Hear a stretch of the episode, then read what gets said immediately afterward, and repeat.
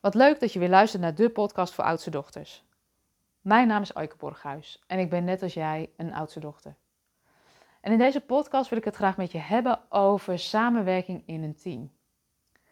En een tijdje geleden kwam er een klant bij me en ze zegt: Aike, ik snap er niks van. Ik ben uh, een manager, al jarenlang ervaring, altijd prima samenwerking in de teams. En met dit team, het lukt niet. En ze zegt: Ik ben van plan om binnenkort een teamdag te gaan organiseren. En ik weet gewoon niet hoe ik het aan moet pakken. Kun je eens met me meekijken? Ja, zo gezegd, zo gedaan. En um, ja, vanuit systemisch perspectief kijk ik dan met mensen mee. En wanneer kijk je nou systemisch mee met iemand in de organisatie? Vaak heeft dat ermee te maken dat de standaard interventies niet werken. En hoe ik dat ook wel beschrijf is, gebeurt iets één keer in een team of in een organisatie, nou, dan is het een incident. Gebeurt iets twee keer, dan is het toevallig. Gebeurt iets drie keer, dan heb je een patroon te pakken. En dan kan het zinvol zijn om eens te kijken van... hé, hey, als die standaard interventies in dat gedrag niet werken... wat speelt er dan in de onderstroom waardoor het niet lukt? Want ja, als het in gedrag zou zitten, dan hadden de mensen het al lang zelf opgelost. En als het niet lukt, dan kan het systemisch perspectief echt waarde toevoegen. Ja, vanuit systemisch perspectief zijn er een aantal principes belangrijk. En dat is vaak dat de oorsprong erkend wordt. Wat is de reden waarom de organisatie ooit ontstaan is? Een van de dingen die belangrijk is, is de ordening. Dat wat eerder komt, komt voordat wat later komt. Als je bijvoorbeeld kijkt naar organisaties, dan heeft de directeur een andere plek in de organisatie dan een manager. En de medewerker heeft weer een andere plek in de organisatie als de manager. En dat zegt niks over de belangrijkheid als mens, maar wel over de plek die iemand inneemt in het organisatiesysteem. Een van de andere principes is binding. Iedereen die bij dat systeem hoort, heeft recht op een plek. Door wat je bijdraagt aan de functie, hoor je erbij. En er is een balans in geven en nemen. Dus er is sprake van een uitwisseling tussen de verschillende collega's, tussen de verschillende functies, uh, misschien wel tussen de verschillende afdelingen. En al die subafdelingen dragen bij aan het versterken van het grotere systeem, in dit geval de gemeente. En vervolgens heeft de gemeente natuurlijk ook nog een bedoeling, namelijk uh, het leefbaar houden van uh, de steden voor de burgers. Nou, we gingen samen eens aan de slag met af te pellen van wat ze allemaal al gedaan had. Nou ja, ze had al feedbacktrainingen gedaan, ze had er als een coach op gezet. Ze zegt, ja, ondanks wat ik probeer, krijg ik er de vinger niet achter en het werkt niet.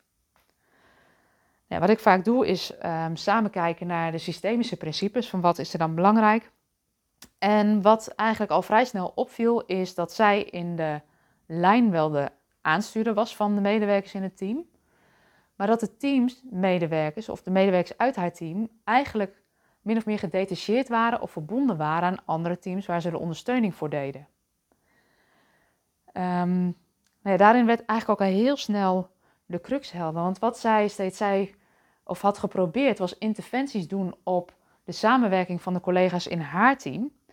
Maar wat je merkte toen ik haar de vraag stelde: met wie of wat zijn deze medewerkers eigenlijk verbonden? Zei ze ja, ze zijn eigenlijk meer verbonden met de teams die ze ondersteunen. Ze gaan mee met de teamuitjes, ze horen daar ook echt bij. Um, en ja, als ik kijk naar wat de collega's hier bindt, is eigenlijk veel meer de inhoud van het vak. De inhoud van het vak van ondersteuners. En toen zei ze: Oh, wacht eens. En op dat moment viel bij haar eigenlijk het kwartje. Waar zij steeds heel erg op had zitten hameren, was de samenwerking tussen alle medewerkers in haar team. Ze wilde daar echt een team van maken. Maar wat dit team eigenlijk um, ja, bond, was de vakinhoud van het vak van ondersteuners. Ze voelden zich meer, de medewerkers voelden zich meer verbonden met de teams die ze ondersteunden. En eigenlijk toen we dat helder kregen, werd voor haar heel duidelijk van waar zou die teamdag dan over moeten gaan. En in plaats van zich heel erg richten met haar team en in de voorbereiding op het samenwerken als team met elkaar, is ze eigenlijk veel meer gaan kijken van wat is de vakinhoud die deze medewerkers verbindt en hoe kan ik op basis daarvan de samenhang en de samenwerking onderzoeken. En dat is eigenlijk wat ze gedaan heeft. Dus ze heeft een inhoudelijk aantrekkelijk programma gemaakt voor de medewerkers waar zij hiërarchisch verantwoordelijk voor is. En waarvan de inhoud ook het team bindt. Um, en uiteindelijk is het echt een hele toffe teamdag geworden, die waardevol was voor alle medewerkers. Als zij had ingestoken op de samenwerking onderling, dus het samenwerken als teamondersteuners met haar als leidinggevende, dan was daar waarschijnlijk minder resultaat uitgekomen.